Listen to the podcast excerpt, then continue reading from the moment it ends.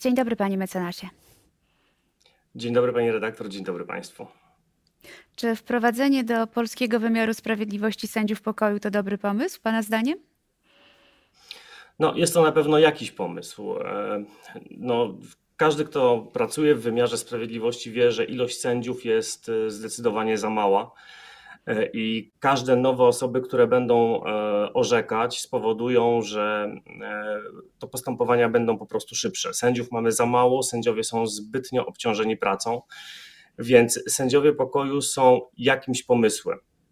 No, jak to z pomysłami bywa, są ogólnie mogą być dobre, ale diabeł jak zwykle tkwi w szczegółach.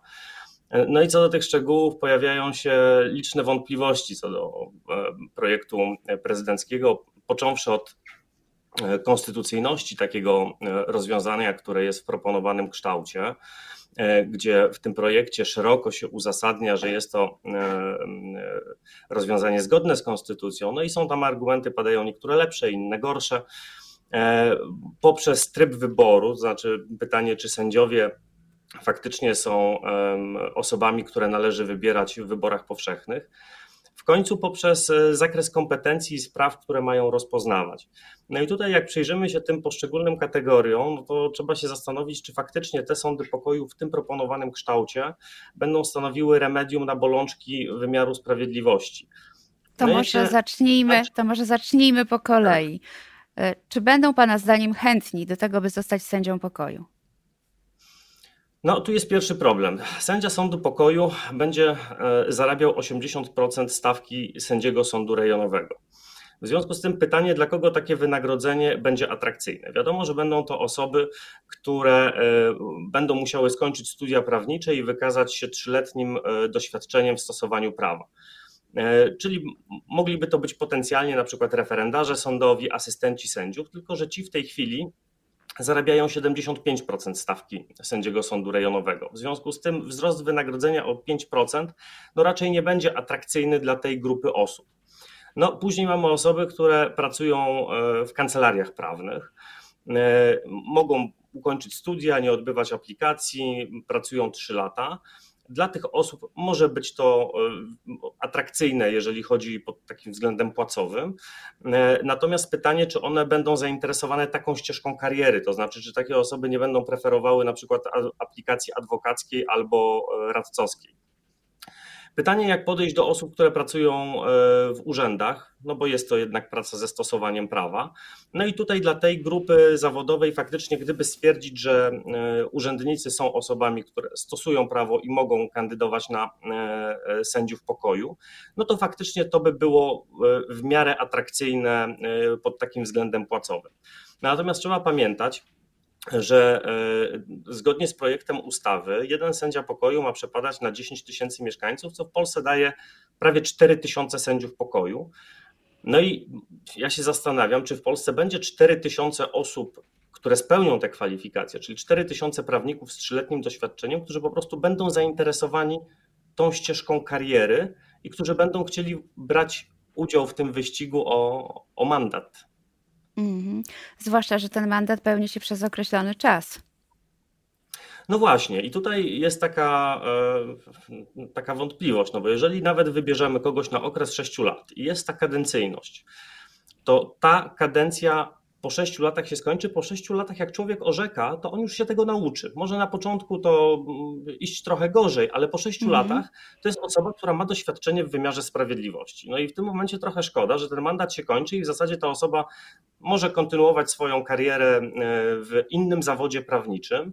E, ale wydaje się, że jest to takie trochę marnowanie zasobów, no bo po sześciu latach człowiek nauczył się orzekać, potrafi uzasadniać wyroki.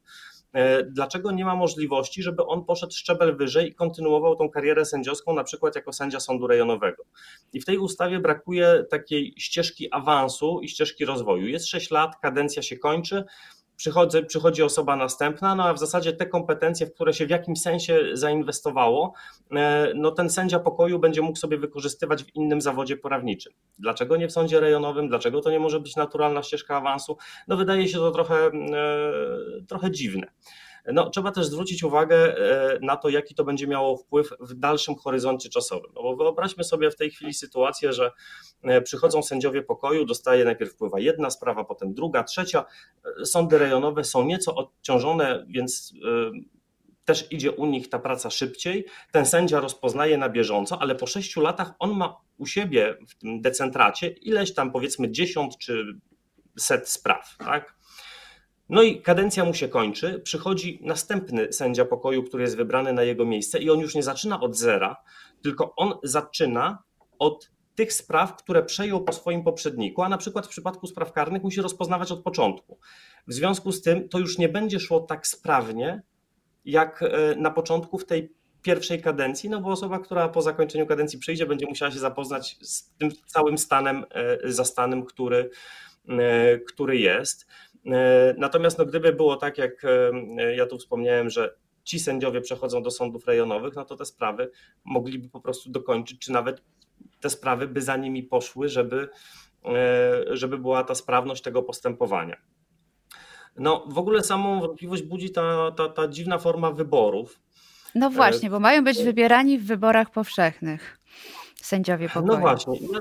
Ja przyznam szczerze, być może to wynika z mojej ograniczonej wyobraźni, ale nie bardzo potrafię sobie wyobrazić, jak to ma w praktyce wyglądać. To znaczy, no wiemy, że te wybory będą się odbywać przy okazji wyborów samorządowych. No i w wyborach samorządowych kandydaci, którzy startują, przedstawiają swoje programy czy swoje wizje. Jeden mówi, ja wybuduję przedszkole i żłobek, a drugi mówi, e, ja wybuduję obwodnicę.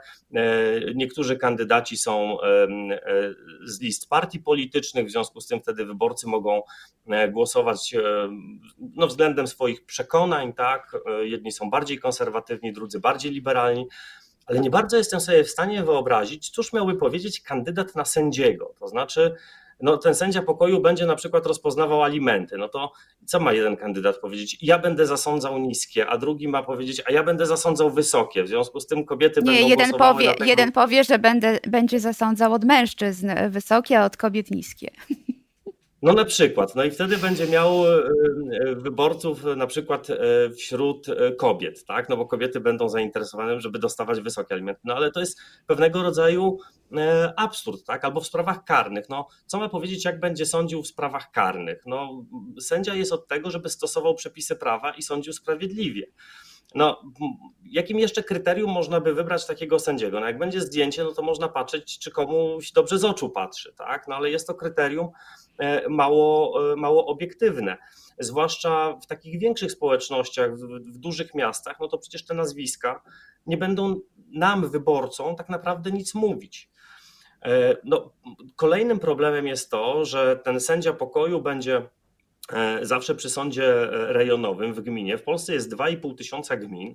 Jestem sobie w stanie wyobrazić sytuację, że w jakiejś gminie po prostu nie będzie kandydata, w związku z tym ten urząd sędziego nie będzie obsadzony.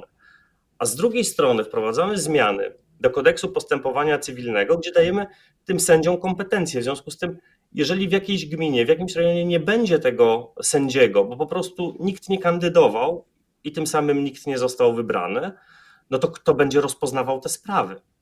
No i w końcu jeszcze jeden argument. Jeżeli e, mamy ograniczoną ilość mandatów i będzie w jakimś okręgu wyborczym ilość kandydatów mniejsza albo taka sama jak ilość tych wakatów, to po co nam wybory? Skoro wszyscy, którzy kandydują, zostaną wybrani. E, zresztą no, w ogóle wydaje mi się, że sprawowanie wymiaru e, sprawiedliwości połączone z pomysłem wyborów jest trochę nietrafione i, i trudno w zasadzie znaleźć tutaj intencję, dlaczego ten sędzia miałby być z wyboru. E, w projekcie, w uzasadnieniu do projektu ustawy czytamy, że jest to piękna tradycja II Rzeczpospolitej, w której były ci sędziowie pokoju i trzeba było tam skończyć ileś klas tam szkoły podstawowej, żeby być takim sędzią. E, natomiast no, czasy się trochę zmieniły i wtedy, wtedy te sądy pokoju w dużej mierze orzekały na zasadzie słuszności. E, w związku z tym no, ważne było, żeby te osoby, które były wybierane z tamtych lokalnie, e, były uznawane za takie prawe, uczciwe. Ludzie się też bardziej znali. Dzisiaj mamy większą anonimowość, no i większą profesjonalizację życia. Dzisiaj nikt nie chce wyroku opartego o tym, co się komuś wydaje, że jest słuszne, tylko chce mieć wyrok oparty o prawie. Dlatego właśnie zawód sędziego powinien być wykonywany przez fachowców. No i tutaj ci sędziowie pokoju, no ta powiedzmy poprzeczka fachowości jest troszeczkę obniżona co do sędu, sędziów sądu rejonowego, ale to jest też uzasadnione wagą spraw, bo te, te mhm. sprawy faktycznie są powiedzmy drobne. E, I, I, no nie ma potrzeby, żeby osoba tak wysoko wykwalifikowana jak sędzia sądu rejonowego e, była, no rozpoznawała takie, takie no drobnostki. E, więc no, pytanie jest, po co te wybory cały czas i czy nie można po prostu tych kwalifikacji utrzymać i zbudować tego nawet sędziego pokoju na zasadzie drogi awansu, że przychodzi człowiek, który e, ma jakieś doświadczenie, ma studia prawnicze, sądzi w drobnych sprawach. Jeżeli się sprawdza, się nauczy, no to ma możliwość awansowania na przykład do sądu rejonowego i w ten sposób e, no, powiedzmy usprawnianie tego wymiaru e, sprawiedliwości. No, bardzo cenne wskazówki przekazał Pan. Mam nadzieję, że ustawodawca, gdyby je uwzględnił, to może wymiar sprawiedliwości nieco by w Polsce przyspieszył, ale tak na koniec chciałam Pana zapytać, co Pan uważa, że trzeba byłoby zrobić, żeby rzeczywiście mm, Polacy krócej czekali na sprawiedliwość? O, to jest bardzo, bardzo trudne pytanie. Znaczy, na pewno brakuje e, sędziów e, i co do tego nie ma żadnej wątpliwości.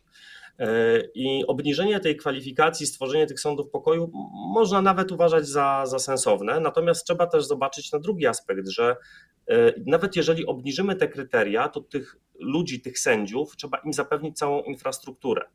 Czyli im trzeba zapewnić w pracy biurko, komputer. E, no projekt przewiduje, że będą mieli, będą mogli mieć asystenta, w związku z tym tych ludzi też gdzieś trzeba posadzić. E, no jak się patrzy na e, stołeczne sądy, e, no to mówiąc kolokwialnie, tam siedzi już teraz jeden na drugim. Mogą być po prostu problemy lokalowe.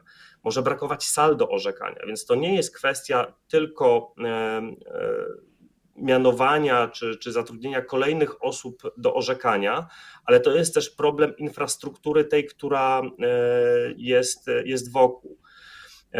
To jest informatyzacja, to jest uważam potężny, potężne wyzwanie, e, które stoi przed wymiarem sprawiedliwości. No bo jeżeli dzisiaj się pojedzie rano do sądu okręgowego w Warszawie, e, przed godziną dziewiątą, no to jeżdżą wózki z aktami, e, jak na wysprzedaży w sklepie spożywczym. I tych akt są po prostu tony, tam są setki dokumentów, to wszystko można zdigitalizować, dzięki czemu to postępowanie sądowe mogłoby być zdecydowanie sprawniejsze, bardziej efektywne. Więc na pewno e, cyfryzacja i to dotyczy zarówno sądów, jak i prokuratur. No w tej chwili, jeżeli w prokuraturze dostajemy nawet zdigitalizowane akta, to są to po prostu skany dokumentów. E, tam nie ma możliwości wyszukiwania kontekstowego, w związku z tym e, analiza tego zajmuje bardzo dużo czasu. Jest to takie archiwum nieuporządkowane. Więc na pewno wdrożenie systemu do zarządzania aktami i zarządzania sprawami by, by, by to po prostu usprawniło. E, no, po drugie, odciążenie sądów. No, tutaj powiem być może taką tezę bardzo niepopularną, ale e, ja na przykład nie rozumiem, dlaczego sprawy rozwodowe zawsze rozsądza sąd okręgowy. E, I to nawet w takich przypadkach, gdzie ten sąd nie jest potrzebny, no bo jeżeli jest na przykład małżeństwo osób, które nie mają dzieci, chcą zgodnie zakończyć związek małżeński, to po co tam w ogóle sąd? Tak? Czy nie wystarczyłoby, żeby poszli, tak jak jest to na przykład we Włoszech, do notariusza, nie mając dzieci złożyli zgodne oświadczenie woli, że nie chcą być e, już dalej małżeństwem. Oczywiście nie mówimy tutaj o orzekaniu o winę. Natomiast to są setki albo tysiące spraw e, w skali całego kraju. W momencie, kiedy sędziowie zajmują się takimi sprawami, gdzie w zasadzie ich udział jest formalny, no to jest to kosztem tego, że nie rozpoznają tych spraw, w których, e, no, które są dla ludzi po prostu życiowo istotne. Tak? Więc Dokładnie. I myślę, myślę, że takich, I myślę, że takich przypadków moglibyśmy jeszcze dużo więcej podać. Niestety kończy nam się e, czas. Ja mam nadzieję, że to, co Pan tu powiedział, wybrzmi na tyle głośno, że zostanie uwzględnione w dalszych pracach nad projektem. Dziś serdecznie dziękuję za rozmowę. Moim gościem był Leszek Kieliszewski, adwokat i partner zarządzający w kancelarii Legality. Dziękuję bardzo.